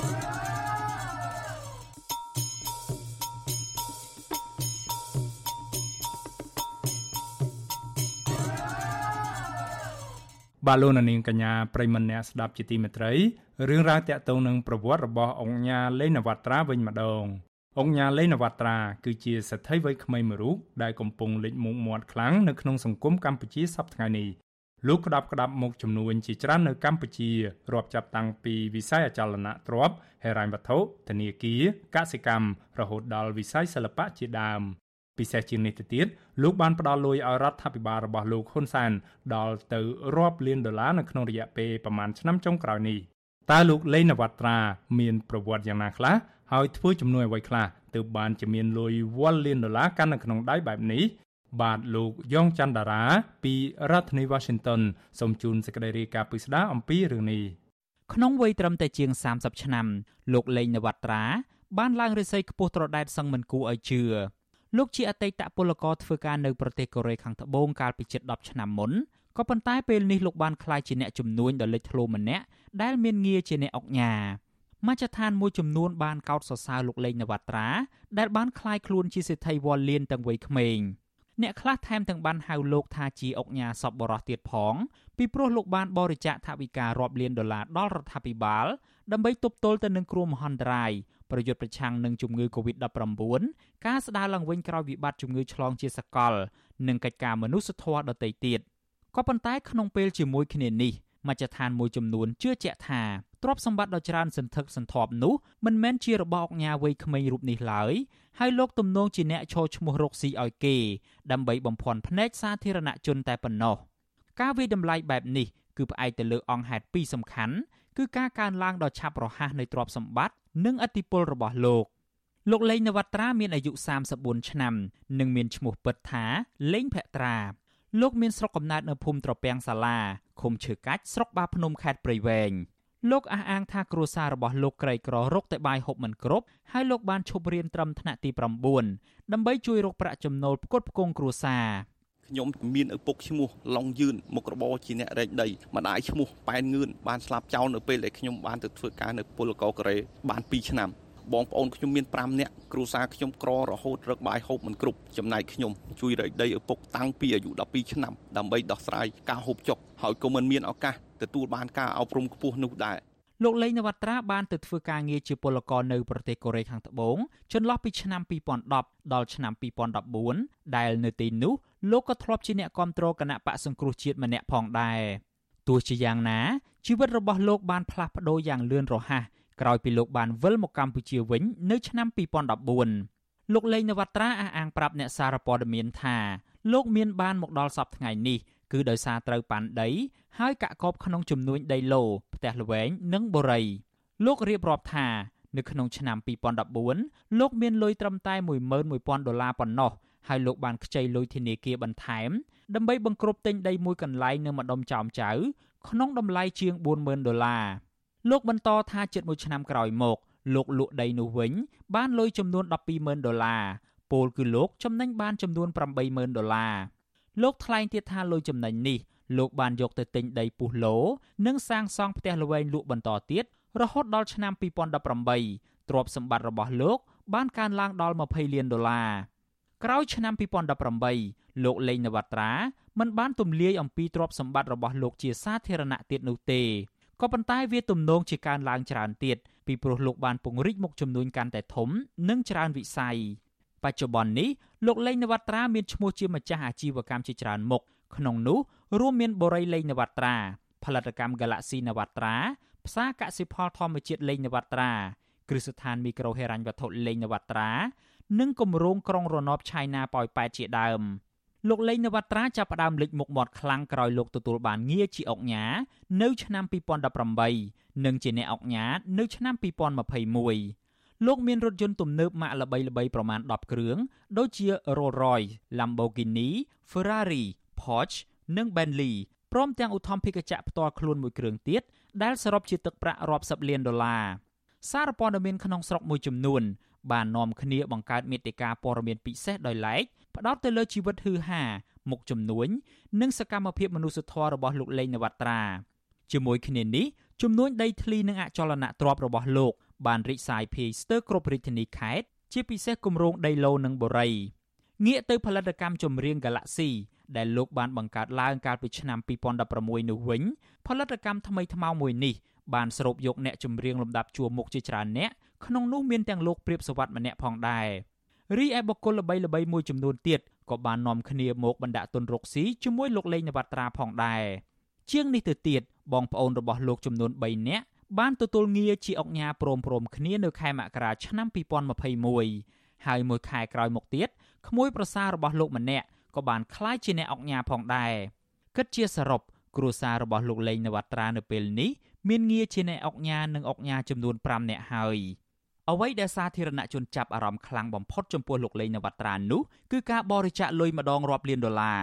គិតដោយត្រួសត្រាសក្នុងរយៈពេលជាង2ឆ្នាំចុងក្រោយនេះ លោកបានបរិច្ចាគលុយតិចបំផុតជិត15លានដុល្លារអាមេរិកក្នុងនោះប្រមាណ10លានដុល្លារសម្រាប់រដ្ឋាភិបាលលោកហ៊ុនសែនជិត4លានដុល្លារសម្រាប់កាកបាទក្រហមកម្ពុជាដឹកនាំដោយអ្នកស្រីប៊ុនរនីហ៊ុនសែននិងជិតកន្លះលានដុល្លារទៀតសម្រាប់ក្រុមគ្រូពេទ្យស្ម័គ្រចិត្តរបស់លោកហ៊ុនសែនដែលមានភរិយារបស់លោកហ៊ុនម៉ាណែតជាអ្នកដឹកនាំនេះមិនទាន់រាប់បញ្ចូលលុយរាប់សែនដុល្លារផ្សេងទៀតដែលលោកបានបរិច្ចាគនៅមុនឆ្នាំ2020ព្រមទាំងលុយដែលលោកបរិច្ចាគទៅកាន់មន្ទីរពេទ្យគន្ធបុប្ផា និងការងារមនុស្សធម៌មួយចំនួនទៀតនៅឡើយទេ នៅក្នុងរយៈពេលដូចគ្នានេះគេមិនឃើញមានអុកញ៉ាឬឈ្មួញធំធំណាម្នាក់បរិច្ចាគលុយដល់រដ្ឋាភិបាលលោកហ៊ុនសែនច្រើនជាងលោកលេងនវត្រានោះទេសូម្បីតែមហាសិទ្ធិលំដាប់កំពូលនៅកម្ពុជា ដូចជាលោកកឹតមេងជាដើមនោះក៏បរិច្ចាគតិចជាងនេះដែរម្យ៉ាងវិញទៀតលោកលេងនវត្រាច្រើនតែដឹកមុខគេនៅក្នុងការប្រកាសបរិច្ចាគទៅកាន់រដ្ឋាភិបាលលោកហ៊ុនសែនជាពិសេសទៅទៀតនោះ លុយបរិច្ចាគប្រមាណ6លានដុល្លារលោកផ្ដល់ឲ្យជាសាច់ប្រាក់សុទ្ធគឺក្រដាស់100ដុល្លារកោទាំងដុំទាំងដុំអនុប្រធានគណៈបកសង្គ្រោះជាតិលោកអេងឆៃអៀងដែលធ្លាប់ធ្វើជាតំណាងរាជចំនួន3អាណត្តិនោះមានប្រសាសន៍ថាវាមិនអាចទៅរួចឡើយដែលពលករមួយរូបคล้ายខ្លួនជាសេដ្ឋីនៅក្នុងរយៈពេលដ៏ខ្លីបែបនេះលោកថ្លែងថាមុខចំនួនផ្នែកអចលនទ្រព្យនិងដីធ្លីមានអុកញ៉ានឹងអ្នកចំនួនជាច្រើនទៀតរកស៊ីមុនលោកលេងនវត្រាទៅទៀត ខណៈផលិតកម្មចម្រៀងវិញមិនទំនងជាអាចផ្ដល់ប្រាក់ចំណូលច្រើនឡើយលោកអេងឆៃអៀងជឿជាក់ថាក្នុងបរិបទប្រទេសកម្ពុជាដែលសម្បូរដោយអំពើពុករលួយ និងការធ្វើជំនួញមិនសុចរិតនោះលោកលេងនវត្រាអាចគ្រាន់តែជាបុគ្គលដើរតួរកស៊ីជំនួសឲ្យអ្នកផ្សេងដែលជននោះទំនងជាមនុស្សមានអំណាចបំផុតនៅស្រុកខ្មែរគឺគ្រួសាររបស់លោកនាយរដ្ឋមន្ត្រីហ៊ុនសែនបើសិនជាអ្នកនឹង គាត់រកបានដោយស្រួលដោយអត់មានអីហ្នឹងច្បាស់ជាអ្នករស់ស៊ីតិចទៀតហ្នឹងគេត្រូវខ្លំមើលឲ្យព្រោះធម្មតាអ្នកដែលគ្មានលហកនឹងវាអត់មានបង្អែកវាអត់មានពាក់ព័ន្ធជាមួយគ្រួសារលហ៊ុនសែនទេច្បាស់ជាអ្នកនឹងក៏លំបាកដែរណាអានេះបើយើងនិយាយស្រុកខ្មែរណាទោះបីគាត់ចង់រៀបចំជិតឆាបបែបម៉េចក៏គេមិនអាចជឿបានទេបើចង់ឲ្យគេជឿបានតើកាត់ដាក់ខ្លួនឲ្យគេធ្វើការស៊ើបអង្កេតឲ្យឯករាជ្យទៅឲ្យដឹងថាតើប្រគប់ពិតកាត់មកពីណាពីណីណា ចំណែកស្ថាបនិកចលនាមេដាធម្មជាតិលោក Alejandro Gonzalez Davidson វិញលោកថ្លែងថាមុខជំនួញរបស់លោកលេងនវត្រាមានចំណុចមិនប្រក្រតីនិងគួរឲ្យសង្ស័យច្រើនលោកថាទីមួយក្រុមហ៊ុននេះជាក្រុមហ៊ុនក្នុងស្រុកនឹងធ្វើជំនួញតែនៅក្នុងប្រទេសកម្ពុជាប៉ុន្តែបែរជាមានលុយវ៉ាលានដុល្លារខណៈពលរដ្ឋខ្មែរជាច្រើនមានជីវភាពក្រីក្រ ជាពិសេសទៅទៀតក្នុងពេលដែលកម្ពុជារងផលប៉ះពាល់ខ្លាំងដោយសារវិបត្តិជំងឺ Covid-19 លោកលេងនវត្រាបែរជាមានលទ្ធភាពផ្ដល់លុយដល់រដ្ឋាភិបាលរាប់លានដុល្លារទៅវិញលោកជឿជាក់ថាលោកលេងនវត្រាប្រកាសជាកំពុងឈរឈ្មោះរកស៊ីនិងលៀងលុយកខ្វក់ឲ្យអ្នកមានអំណាចកំពូលនៅកម្ពុជា ដែលគ្មានអ្នកណាផ្សេងក្រៅពីគ្រួសារលោកហ៊ុនសែនឡើយមានន័យថានវត្រាឈរឈ្មោះឲ្យតពលហ៊ុនដែលសម្បូរលុយខ្មៅសម្បូរលុយកខ្វក់ដែលមកពីសកម្មភាពខុសច្បាប់ គាត់វិនិយោគលើវិស័យនេះវិស័យនោះគាត់ពីបានវិនិយោគហ្នឹងគាត់យកអាលុយហ្នឹងចំណេញពីក្រុមហ៊ុនឬក៏ចំណូលហ្នឹងយកទៅផ្ញើទៅកាប្រទេសហើយនៅពេលដែលប្រទេសទី2ប្រទេសទី3សួរថាតាប្រភពថាវិការហ្នឹងមកមកពីណាគាត់ឆ្លើយថាខ្ញុំវិនិយោគក្នុងក្រុមហ៊ុននេះវិនិយោគក្នុងវិស័យនេះវិស័យនោះអាហ្នឹងគឺជាវិធីមួយដែលគេនិយមធ្វើនៅក្នុងប្រទេសប្រជាការដែលសបោអំពើពុករលួយនិងសបោលួយកខ្វក់អំឡុងឆ្នាំ2021 ពេលដែលប្រជាពលរដ្ឋស្ទើរទូទាំងប្រទេសកំពុងជួបការលំបាកផ្នែកជីវភាពនោះលោកលេងនវត្រាបានបរិច្ចាគលុយឲ្យរដ្ឋាភិបាលលោកហ៊ុនសែនកាកបាទក្រហម និងក្រុមគ្រូពេទ្យស្ម័គ្រចិត្តរបស់លោកហ៊ុនសែនសរុបជាង13លានដុល្លារនៅក្នុងនោះលុយចំនួនជាង5លានដុល្លារគឺជាសាច់ប្រាក់សុទ្ធសម្រាប់ប្រទេសដែលមានប្រព័ន្ធច្បាប់រឹងមាំលុយបរិច្ចាគរាប់លានដុល្លារជាសាច់ប្រាក់បែបនេះនឹងកិច្ចមិនផុតពីការចោទសួរពីសំណាក់ស្ថាប័នជំនាញរបស់រដ្ឋាភិបាលឬសភារបស់ប្រទេសនោះឡើយពីព្រោះគេបារម្ភថាលុយនេះអាចជាលុយកខ្វក់ដែលបានមកពីអំពើទុច្ចរិតហើយកំពុងត្រូវបានលាងសម្អាតក្រោមរូបភាពជាជំនួយមនុស្សធម៌ក៏ប៉ុន្តែសម្រាប់រដ្ឋាភិបាលលោកហ៊ុនសែនវិញករណីបែបនេះមិនត្រូវបានត្រួតពិនិត្យនោះទេអ្នកនាំពាក្យគណៈបកកណ្ដាលអំណាចលោកសុកអេសានអះអាងថា រដ្ឋាភិបាលកម្ពុជាក្តាប់បានសភាពការនៅក្នុងប្រទេសដូច្នេះមិនមានអ្វីត្រូវបារម្ភអំពីប្រភពលុយដែលលោកលេងនវត្រាបានបរិច្ចាគនោះឡើយលោកបកស្រាយបន្ថែមថាការបរិច្ចាគជាសាច់ប្រាក់សុទ្ធបែបនេះគឺជាការជួយសម្រួលដល់រដ្ឋាភិបាលទៅវិញទេ បើឲ្យលុយសែកទៅរាជរដ្ឋាភិបាលគង់ទៅរាជរដ្ឋាភិបាលយកលុយសែកនេះទៅបើកនៅធនាគារហើយយកទៅចាយវាជូនដល់ដៃប្រជាពលរដ្ឋដែលរងគ្រោះនឹងដែរតដែរតដែរទេអញ្ចឹងគេចង់សម្រួលការងារឲ្យរាជរដ្ឋាភិបាលគេយកលុយទាំងសាច់ប្រាក់នឹងទៅជូនរាជរដ្ឋាភិបាលដើម្បីរាជរដ្ឋាភិបាលចាត់ចែងសាច់ប្រាក់នឹងដល់ដៃប្រជាពលរដ្ឋតែម្ដងដោយមិនបាច់ឆ្លងកាត់ប្រព័ន្ធធនាគារនាំឲ្យយឺតយូរទេបាទ ពាក់ព័ន្ធទៅនឹងរឿងនេះដែរលោកលេងនវត្រាបានចេញមកបដិសេធរាល់ការចោទប្រកាន់ទាំងឡាយដែលថាលោកកំពុងរកស៊ីលៀងលុយកខ្វក់និងមានអ្នកមានអំណាចនៅពីក្រោយខ្នងនៅក្នុងខ្សែអត្ថសម្លេងមួយកាលពីថ្ងៃទី18ខែសីហាថ្មីថ្មីនេះលោកលេងនវត្រាបានចាត់ទុកការចោទប្រកាន់ទាំងនេះថាជាការបំភ្លើសនិងជាការបំផ្លាញកិត្តិយសរបស់លោកនិងក្រុមគ្រួសារ លោកថែមទាំងនិយាយនៅក្នុងន័យគម្រាមប្រើប្រាស់ផ្លូវច្បាប់ប្រឆាំងនឹងអ្នកទាំងឡាយណាដែលហ៊ានលើកឡើងអំពីបញ្ហាទាំងនេះនៅពេលខាងមុខទៀតផងខ្ញុំសូមបដិសេធ3ចំណុចនិងមិនបន្តឲ្យបងប្អូនចោទប្រកាន់ទៀតឡើយ1ចោទប្រកាន់ថាខ្ញុំកាប់ឈើលក់ប្រសិនបើស៊ើបអង្កេតសិក្សាឃើញថាខ្ញុំលក់ឈើ1មីលីម៉ែត្រខ្ញុំសុកចិត្តដើរចូលគុក2ចោទប្រកាន់ថាខ្ញុំលាងលុយកខ្វក់ជាការចោទប្រកាន់ស្មើនឹងបទឧក្រិដ្ឋ អន្តរជាតិដ៏អាក្រក់3ចោតប្រកាន់មានអ្នកនៅពីក្រោយចាប់ពីពេលនេះតទៅបងប្អូនដែលចោតប្រកាន់ដោយគ្មានមូលហេតុដោយគ្មានភ័ស្តុតាងធ្វើឲ្យប៉ះពាល់ដល់ក្រុមហ៊ុនធ្ងន់ធ្ងរនោះក្រុមហ៊ុនមិនអាចនៅស្ងៀមឡើយក៏ប៉ុន្តែទន្ទឹមនឹងការប្រកាសបដិសេធនេះលោកលេងនវត្រាមិនបានផ្ដល់នូវភ័ស្តុតាងរឿងមមណាមួយដើម្បីបញ្ជាក់ពីភាពស្អាតស្អំនៃប្រភពលុយនិងភាពជាម្ចាស់កម្មសិទ្ធិលើមុខចំនួនទាំងឡាយរបស់លោកនោះឡើយ។ អគ្គលេខាធិការសហព័ន្ធនិស្សិតបញ្ញវន្តកម្ពុជា លោកគៀនពន្លកថ្លែងថាលោកលេងនវត្រាគឺជាបុគ្គលសាធារណៈដូច្នេះការគម្រាមប្រើប្រាស់វិធានការច្បាប់ដើម្បីបំបិតមាត់អ្នករិះគន់បែបនេះមិនមែនជាជំរឿសត្រឹមត្រូវឡើយលោកបន្ថែមថាដើម្បីបំបត្តិមន្ទិលសង្ស័យរបស់សាធារណជនលោកលេងនវត្រាគួរតែចេញមុខបកស្រាយរឿងនេះឲ្យបានច្បាស់ជាមួយនឹងភ័ស្តុតាងរឹងមាំ។ គាត់មានលុយវល់លៀនឧបត្ថម្ភទៅការកបាតក្រហមកម្ពុជា ហើយនឹងឧបត្ថម្ភទៅកាន់គណៈបកកណ្ដាលអំណាចនោះគឺលុយវល់លៀនអញ្ចឹងមិនមែនជាសែកទៅទៀតគឺលុយសុទ្ធអញ្ចឹងគាត់ត្រូវតែមានភ័ស្តុតាងណាមួយជាក់លាក់ដើម្បីបញ្ជាក់ឲ្យបានច្បាស់ថាបញ្ហានេះគឺមិនមែនជាបញ្ហា ដែលមានអ្នកកាងពីក្រោយខ្នងមិនមែនជាការលៀងលុយកខ្វក់ដើម្បីបង្ហាញប្រាប់មតិជាតិនិងអន្តរជាតិកុំឲ្យមានការសង្ស័យបន្តទៅទៀត មន្ទិលសង្ស័យរបស់សាធារណជនមួយចំនួនដែលថាលោកលេងនវត្រាកំពុងឈរឈ្មោះធ្វើជំនួញឲ្យគ្រួសារត្រកូលហ៊ុននេះបាននាំឲ្យមានប្រតិកម្មដោយផ្ទាល់ពីសំណាក់កូនប្រុសច្បងរបស់លោកហ៊ុនសែនគឺលោកហ៊ុនម៉ាណែត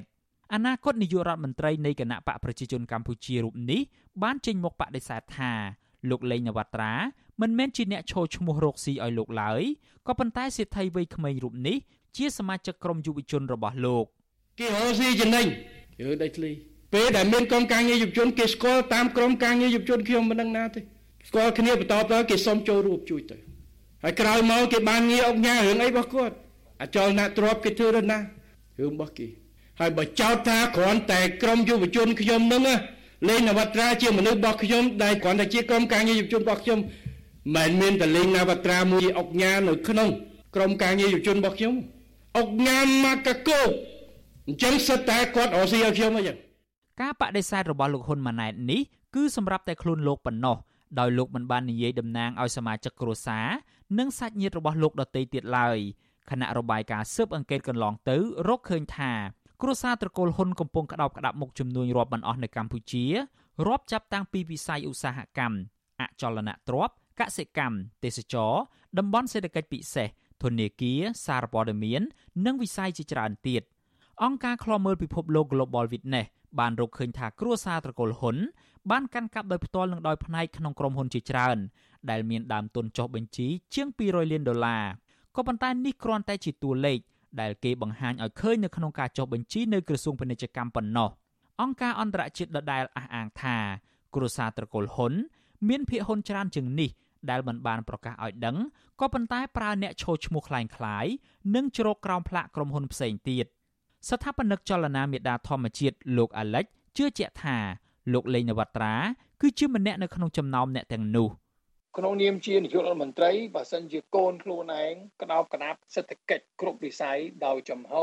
អានឹងអាចមានបញ្ហាមានបញ្ហាចំពោះប្រជារាស្ត្រខ្លួនឯងដែលប្រជាជនមិនសប្បាយចិត្តជាពិសេសសម័យនេះដែលអត់មានចំណូលរដ្ឋបំណុលហើយអាចមានបញ្ហាចំពោះតនកម្មអន្តរជាតិ អញ្ចឹងបានជាគេចាប់ផ្ដើមរោមនុស្សបែបដូចណាមាត្រាហ្នឹងដាក់ឈ្មោះជំនួសគាត់ដោយសារគេយល់អំពីហានិភ័យនៃការដាក់ឈ្មោះទឹកលោកលេងនវត្រាតែងតែបង្ហាញភាពជិតស្និទ្ធជាមួយក្រុមគ្រួសាររបស់លោកនាយករដ្ឋមន្ត្រីហ៊ុនសែនលោកធ្លាប់លុតជង្គង់ថ្វាយបង្គំលោកហ៊ុនសែននិងភរិយាហើយហោមលោកហ៊ុនសែនចុះចែកអំណោយដល់ប្រជាពលរដ្ឋចុះធ្វើការងារសង្គមជាមួយកូនកូនលោកហ៊ុនសែនព្រមទាំងប្រកាសគាំទ្រឥតងាករេចំពោះការដឹកនាំរបស់លោកហ៊ុនសែនទៀតផង រីឯលោកហ៊ុនសែនវិញលោកធ្លាប់បានលើកសរសើរលោកលេងនវត្រាជាសាធារណៈជាច្រើនដង ស្របពេលមង្គលការប្អូនស្រីរបស់លោកលេងនវត្រាក៏មានវត្តមានរបស់លោកហ៊ុនម៉ាណែតនិងមន្ត្រីក្រាក់ក្រាក់មួយចំនួនទៀតចូលរួមជាភ្ញៀវកិត្តិយសផងដែរទំនងជាដោយសារភាពជិតស្និទ្ធជាមួយគ្រួសារលោកហ៊ុនសែននេះហើយទើបបានជាលោកលេងនវត្រាទទួលបាននូវការគោរពនិងសម្របសម្រួលពីមន្ត្រីរដ្ឋាភិបាល កងកម្លាំងប្រដាប់អាវុធ និងអាជ្ញាធរមូលដ្ឋាន នៅពេលដែលលោកចោះធ្វើសកម្មភាពអ្វីមួយ ទាំងការធ្វើជំនួយនឹងកិច្ចការមនុស្សធម៌ជាងនេះទៅទៀតកាលពីឆ្នាំ2021លោកហ៊ុនសែនបានកាត់ដីគម្របព្រៃឈើចំនួន172ហិកតា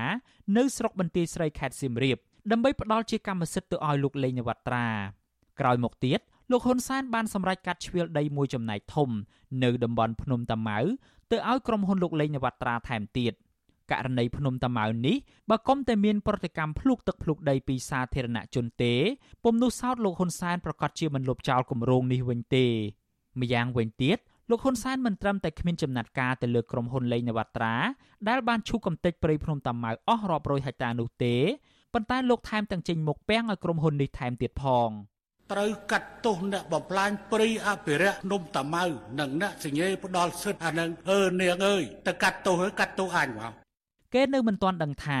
តើលោកហ៊ុនសែននឹងមានគម្រោងកាត់ដីរដ្ឋនៅទីតាំងណាខ្លះទៀតទៅឲ្យក្រុមហ៊ុនលោកលេងនវត្រានោះទេ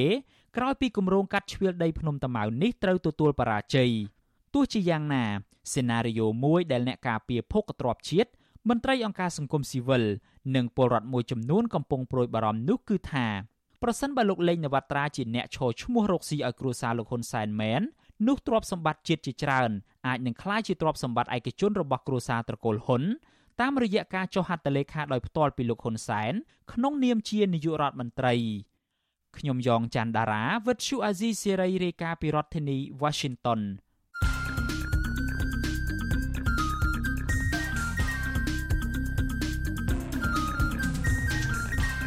បទសំភារ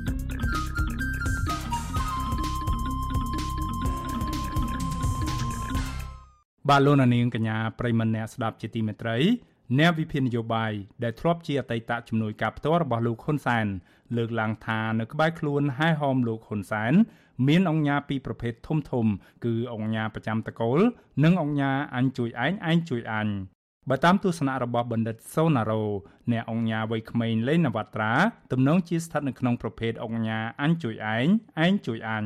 តើបណ្ឌិតសូណារ៉ូឲ្យនិយមន័យអង្គញាប្រចាំត្រកូល និងអង្គញាអញជួយឯងឯងជួយអញយ៉ាងណាខ្លះបាទសូមអញ្ជើញលោកនាងកញ្ញាស្ដាប់បទសម្ភាសរវាងអ្នកស្រីសុជីវីជាមួយអ្នកវិភាគនយោបាយបណ្ឌិតសូណារ៉ូអំពីរឿងនេះដូចតទៅ ជាបទពិសោធន៍របស់លោកបណ្ឌិតដែលលោកបណ្ឌិតធ្លាប់ធ្វើជាទីប្រឹក្សាធ្លាប់ជាជំនួយការរបស់លោកយុត្រីហ៊ុនសែនហ្នឹងថាតើកន្លងមកហ្នឹងធ្លាប់មានទេអង្គញាដែលឈរឈ្មោះឲ្យអ្នកកាន់អំណាចនឹងជាពិសេសគឺគ្រូសាតកោហ៊ុនហ្នឹងតើធ្លាប់មានរឿងរ៉ាវកើតឡើងថាមានជាអង្គញាដែលឈរឈ្មោះជាអ្នកដែលនៅពាំងជំនួសចេញមុខជំនួសតែការពិតទ្រព្យសម្បត្តិហ្នឹងគឺជាទ្រព្យសម្បត្តិរបស់ត្រកូលហ៊ុនអីចឹងទៅនោះចា៎យើងបានដឹងហើយគឺហ៊ុនសែនគាត់ មានក្បាលម៉ាស៊ីននយោបាយធំណាអមេរិកធំត្រូវការប្រព័ន្ធហេរញ្ញវត្ថុដ៏ធំដើម្បីទ្រទ្រង់បានលុយកាក់ច្រើនមែនទែនចូលរាប់លានរាប់លានដុល្លារជារៀងរាល់ថ្ងៃរាល់ខែអញ្ចឹងបាទអញ្ចឹងអឺដែលគាត់ប្រើពាក្យថាសិល្បៈនៃការចែករំលែកចែកគ្នាឈ្នះឈ្នះគាត់ក៏បានលុយអុកញ៉ាក៏បានលុយអញ្ចឹងក៏ប៉ុន្តែយើងដឹងហើយគឺអ្នកដែលចាញ់គឺប្រជាពលរដ្ឋនិង ធនធានធម្មជាតិស្រុកខ្មែរហ្នឹងខ្ទេចខ្ទីអស់ហើយអញ្ចឹងអឺរឿងលេងណាវត្រានេះខ្ញុំសូមបញ្ជាក់ថាចំនួនដែលខ្ញុំធ្វើការក៏អត់តមានឈ្មោះហើយគាត់នៅកូនក្មេងនៅនៅទីរួបឡើយគាត់ថាបានដែរគាត់ទៅធំធាត់ចឹងខ្ញុំអត់ដឹងប្រវត្តិពិតប្រកបទេក៏ប៉ុន្តែយើងត្រូវតែដឹងប្រព័ន្ធអុកញ៉ារបស់លោកហ៊ុនសែនវាមាន2អញ្ចឹងយើងចំណាត់ថ្នាក់មើលតាលេងណាវត្រានៅក្នុងចំណាត់ថ្នាក់ណាមួយគឺអុកញ៉ា ដែលមានច្រើនណាស់រាប់រយរាប់ពាន់ហើយអុកញ៉ាខ្លះរោគស៊ីត្រឹមត្រូវអុកខ្លះគឺលោតឆាត់ហ្មងគឺអុកញ៉ាខលខូចតែម្ដងគ្រាន់តែយើងចែកជាពីរប្រភេទទី1ជុំវិញលោកហ៊ុនសែនគេហៅថាមានអុកញ៉ាប្រចាំតកូលអុកញ៉ាប្រចាំតកូលនេះគឺអុកញ៉ាមានតិចបំផុតមនុស្សដែលចំណិតបំផុតមនុស្សដែលថាហ៊ានស្លាប់រស់ជាមួយនឹងតកូលហ៊ុនតែម្ដងហើយយើងចំណាំមើលគឺអុកញ៉ាទាំងនេះមានទ្រព្យសម្បត្តិស្ដុកស្ដំហើយមានអំណាច អុកញ៉ាទាំងអស់នេះប៉ះមិនបានចឹងមកហើយខ្ញុំលើកឧទាហរណ៍ជាក់ស្ដែងតែមួយឧទាហរណ៍ដូចចឹងសុភាពចឹងយីយីភូហើយហៅយីភូយីភូហ្នឹងគ្មានអ្នកណាប៉ះបានទោះរិះគន់ទោះអីមិនក៏ដោយសារព័ត៌មានថាមិនក៏ដោយក៏មិនអាចក្លាប់ចាក់អីបានទេគឺថាមានលុយមានកាក់ដើម្បីជួយទៅដល់តកូលហ៊ុនយ៉ាងជាក់ស្ដែងម្ដងប្រភេទទី2គេហៅថាអុកញ៉ាអញជួយឯងឯងជួយអញ អុកញ៉ាដែលច្រើនមែនទែនរាប់រយរាប់ពាន់ក៏ថាបានដែរណាបានន័យថាភាសាមួយទៀតហៅថាអុកញ៉ាឈ្នះឈ្នះហ្នឹងគឺអញជួយឯងឯងជួយអញមានន័យថាអុកញ៉ាទាំងអស់ហ្នឹងប្រភេទដូចលេងនវត្រាអញ្ចឹងគឺហ៊ុនសែនត្រូវការលុយពេលណាប៉ុន្តែភាគច្រើនជាលុយសម្រាប់ធ្វើកិច្ចការនយោបាយឧទាហរណ៍ដូចត្រូវការលុយជួយកូវីដត្រូវការលុយសាងសង់សាលារៀនត្រូវការលុយធ្វើផ្លូវត្រូវការលុយនេះនោះគឺថាអុកញ៉ាទាំងអស់នឹងហ៊ានចាយលុយ ក្តៅកគុកហ្មងបាទចេញមកផាច់ផាច់ផាច់ផាច់លុយច្រើនណាស់ធ្លាក់មកក្រាក់ក្រាក់មកដើម្បីត្រូត្រង់ភ្លាមហើយអ្នកទាំងអស់ហ្នឹងត្រូវបានគេកត់ក្នុងបញ្ជីបញ្ជីថាអ្នកជួយអញ្ចឹងហ៊ុនសែនគាត់ក៏មនុស្សវា fair ដែរយអត់ណាគាត់មិនមែនត្រឹមតែយកលុយហ្នឹងដើម្បីធ្វើកិច្ចការរបស់គាត់ដើម្បីចំណេញប្រជាប្រិយភាពនយោបាយគាត់ទេគឺគាត់រកវិធីដើម្បីឲ្យអុកញ៉ាទាំងអស់ហ្នឹងបានលុយមកវិញហើយពួកហ្នឹងច្បាស់ជាបានច្រើនជាងហ្នឹងហើយជួយមួយលាន សង្ឃឹមមកវិញបាន3 4លានក៏ប៉ុន្តែមិនមែនមានន័យថាគាត់ទៅយកលុយយកទៅឲ្យអុកញ៉ាទាំងអស់ហ្នឹងទេមែនទេគឺអុកញ៉ាហ្នឹងម្ចាស់ការក្នុងការរកកម្រងខ្លួនឯងឧទាហរណ៍ដូចលេងបានមកត្រាគេធ្វើកម្រងរឿងភ្នំតាម៉ៅអីចឹងគេធ្វើកម្រងហើយគេដាក់កម្រងហើយគេគូសប្លង់គូសអីវាអីគេថាគេនឹងទុកសួនកន្លែងនេះកន្លែងនោះដើម្បីអភិរក្សក៏ប៉ុន្តែជុំវិញហ្នឹងគេធ្វើបូរីឬក៏ស្អីស្អីហ្នឹងខ្ញុំក៏អត់ដឹងលម្អិតដែរតែដាក់កម្រងទៅសំរុំ យកទៅឲ្យលោកហ៊ុនសែនខុតកាឡៃហ៊ុនសែនហើយហ៊ុនសែនមើលដល់ហ៊ុនសែនឃើញថាម្នាក់ហ្នឹងជួយលុយច្រើនហើយឥឡូវគេសុំកម្រងហើយឃើញកម្រងហ្នឹងក៏ទំនងទៅទៅរួចគាត់សញ្ញេខ្វោតែសញ្ញេខ្វោពួកហ្នឹងដឹងបានលុយហ៎ពីព្រោះអាយើងដឹងស្រាប់ហើយដីធ្លីនៅស្រុកខ្មែរជាពិសេសនៅជិតភ្នំពេញនៅឬក៏ក្នុងភ្នំពេញបឹងតាម៉ៅបឹងតាម៉ោកបឹងតាម៉ាំងបឹងតាតាមុកអីហ្នឹងគឺថាសិតតែដីរាប់លានដុល្លារគ្រាន់តែហ៊ុនសែនសញ្ញេឲ្យតែ20 ហិកតា10ហិកតា5ហិកតាឬក៏30ហិកតាហ្នឹងសិតតែលុយរាប់សិបលានដុល្លារហើយចឹងគ្រាន់តែបានអានឹងហើយភ្លាមយកទៅចាក់ដីចាក់អីបែងកម្រងគ្រាន់តែបែងដីលោលក់ហ្នឹងគឺបានលុយចូលមកវិញយ៉ាងច្រើនក្រាស់ក្រែលហ្នឹងអញ្ចឹងហើយប្រភេទអុកញ៉ានេះហៅថាអញជួយឯងឯងជួយអញមិនន័យថាមិនចិត្តស្និទ្ធមួយហ៊ុនសែនពេកទេក៏ប៉ុន្តែអ្នកណាហ៊ានហក់លោតជាងគេអ្នកហ្នឹងក៏បានមកវិញច្រើនជាងគេខ្ញុំជឿថាលេងណាមវត្រាក្នុងចង្កោមនេះ គឺចង្កោមដែលហ៊ុនលេងណាមវត្រាហ៊ានស៊ីហ៊ានសងមានន័យថាយកលុយតាប្របានដាក់វិនិយោគទៅលើហ៊ុនសែនហ្មងគឺថាបោះទៅម៉ាំងម៉ាំងហ៊ុនសែនត្រឡប់មកវិញក៏ម៉ាំងម៉ាំងមកវិញដែរដើម្បីឲ្យឲ្យវាតន់ចិត្តដែរបាទចំពោះអតិពលវិញតើ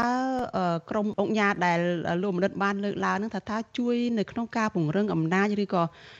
ជួយយ៉ាងណាខ្លះដែរទេនៅពេលដែលគណៈបព្វជិជនកម្ពុជានៅពេលនេះចាត្រៀមបេក្ខជនសម្រាប់ការបោះឆ្នោតសម្រាប់ធ្វើជានាយករដ្ឋមន្ត្រីតតំណែងពីលោកនាយករដ្ឋមន្ត្រីហ៊ុនសែនគឺលោកហ៊ុនម៉ាណែតនឹងវាជាការពិតណាស់ដោយខ្ញុំបានជម្រាបចឹងគឺគាត់ប្រព័ន្ធនយោបាយរបស់ហ៊ុនសែនគឺត្រូវការលុយច្រើនណាស់ចឹងហើយអង្គការទាំងអស់ហ្នឹងមិនត្រឹមតែជួយដល់ហ៊ុនសែនផ្ទាល់ទេ ជួយដល់គណៈបកប្រជាជនឬក៏ជួយពង្រឹងមូលដ្ឋាន បានន័យថាឧទាហរណ៍ថាចុះមើលលដ្ឋានជួយសាងសង់សាលារៀនអីគេក៏កត់ចូលក្នុងបញ្ជីគេហៅថាជួយទៅដល់គេហៅថាគណៈបកប្រជាជនឬក៏ដល់ក្រមលោកហ៊ុនសែនហើយយើងដឹងស្រាប់ហើយអ្នកណាមានអំណាចជាងគេពួកអង្គការចូលចិត្តជួយទៅដល់អ្នកហ្នឹងអញ្ចឹងហើយបច្ចុប្បន្ននេះលោកហ៊ុនម៉ាណែតគាត់កំពុងតែមានរិស័យកំពុងតែឡើងកោត អនាគតអាចជានាយករដ្ឋមន្ត្រីគឺចង់ចង់ពួកអុកញ៉ាទាំងអស់ហ្នឹងគេរកផ្លូវដើម្បីឈានទៅរកអំណាចហើយពីព្រោះលុយរបស់ពួកគេគឺលុយបានមកដោយ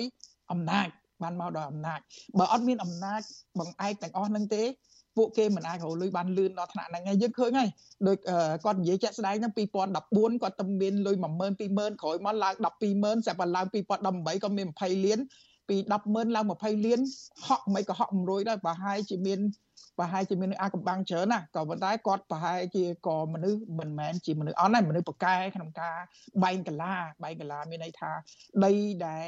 ដីដែលគេមិនហ៊ានហក់លោតគាត់ហ៊ានហក់លោតឧទាហរណ៍ដីបំធំតម្ៅសិតតែដីដែលក្តៅឃើញគាត់ហ៊ានហក់ប៉ុន្តែបើគាត់ហក់ឈ្នះគាត់បានច្រើនហ្មងក៏ប៉ុន្តែលើកនេះគាត់ហក់ដូចជាចង់ចង់ ចង់ហៅថាអកសើបើភាសាលេងបាល់អកសើត្រូវគេផាក់ពីណីហើយអញ្ចឹងណាអញ្ចឹងហើយខ្ញុំជឿថាមានអង្គការច្រើនទៀតដែលជាចូលរួមចំណែកក្នុងការជួយនៃប្រព័ន្ធហិរញ្ញវត្ថុទៅដល់តកូលហ៊ុនក៏ថាបានដល់គណៈបកប្រជាជនកម្ពុជាក៏ថាបានរួចហើយគេបានមកវិញនៅការកម្រងវិនិយោគដែលវាវាកប់ក្តោងទៅតាមនឹងក៏ប៉ុន្តែ វាស៊ីសងលើអង្គញានឹងឆ្លាតវៃឬក៏ហ៊ានមិនហ៊ានទៀតហៅថាហក់លោតខ្លាំងឬមិនខ្លាំងទៀតកន្លងមកខ្ញុំក៏ធ្លាប់ជួបករណីអង្គញាមួយអង្គញាធំអង្គញាធំហ្នឹងហើយគាត់និយាយក៏ប៉ុន្តែខ្ញុំខ្ជិលចង់និយាយឈ្មោះគាត់គាត់និយាយថាគម្រោងមួយដើម្បីចេញបានវាត្រូវឆ្លង4កន្លែងធំហ្នឹង4កន្លែងធំទី1គឺគុតកាល័យរបស់នាយករដ្ឋមន្ត្រីហ៊ុនសែនគុតកាល័យនេះយើងត្រូវតែដឹងថាសម័យលោកហ៊ុនសែនចំនួនហ្នឹងគឺគាត់ត្រូវការលុយសង់សាលារៀនរាប់ រយរាប់ពាន់អញ្ចឹងឧទាហរណ៍បានគម្រោងមួយអញ្ចឹងត្រូវសន្យាសន្យាមុនមិនមែនសន្យាក្រោយណាហើយសន្យាតិចអត់ឲ្យតែអត់ឲ្យនឹងរឿងថ្ងៃក្រោយនឹងចប់ហ្មងបាទគឺឧទាហរណ៍ថាសន្យាជួយសាលា20ខ្នងដូចហើយសន្យាឲ្យលុយខុតកាល័យទុកលុយខុតកាល័យដើម្បី គេមិនឲ្យមិនហៅថាឲ្យតកោហ៊ុនទេមែនទេគេឲ្យលុយសម្រាប់ខុតកាល័យធ្វើកិច្ចការការងារនយោបាយ ការទីស្តីការគណៈរដ្ឋមន្ត្រីគឺរបស់សុកអាននឹងហើយគឺកន្លែងចេញសចូលណនឹងហើយគឺកន្លែងនោះស៊ីលុយសាហាវហើយសុកអានមានលុយខ្លាំងណាស់ក៏ដោយសារតែរឿងវិនិយោគទាំងអស់ហ្នឹងទី3ទៀតគឺប្រភពគឺក្រសួងហិរញ្ញវត្ថុត្រូវតែបើអត់មានចេញលុយបើអត់ជួយជួយខាងហិរញ្ញវត្ថុហ្នឹងទេគឺលុយក៏អត់ធ្លាក់មកដែរហើយទី4បើសម្រាប់ អ្នកវិនិយោគបរទេសគឺត្រូវឆ្លង CDC CDC មួយទៀតក៏ត្រូវតែបង់លុយឲ្យ CDC ច្រើនចឹង4ប្រភពនេះបើមិនបង់លុយទេគោះបីជាអ្នកឯងមានអំណាចប៉ុណ្ណាក៏ដោយក៏ចេញមិនរួចដែរធ្វើមិនកើតដែរចាសូមជំរាបលាលំនិតត្រឹមប៉ុណ្ណេះហើយជូនពរលំនិតសុខភាពល្អចាអរគុណ បាទលោកនាងកញ្ញាទើបបានស្ដាប់បទសម្ភាសរវាងអ្នកស្រីសុជីវីជាមួយបណ្ឌិតសូណារ៉ូដែលថានៅក្បែរខ្លួនហែហោមលោកហ៊ុនសែនមានអង្គញាពីរប្រភេទធំធំ គឺអង្គញាប្រចាំត្រកូល និងអង្គញាអញជួយឯងឯងជួយអញបាទសូមអរគុណ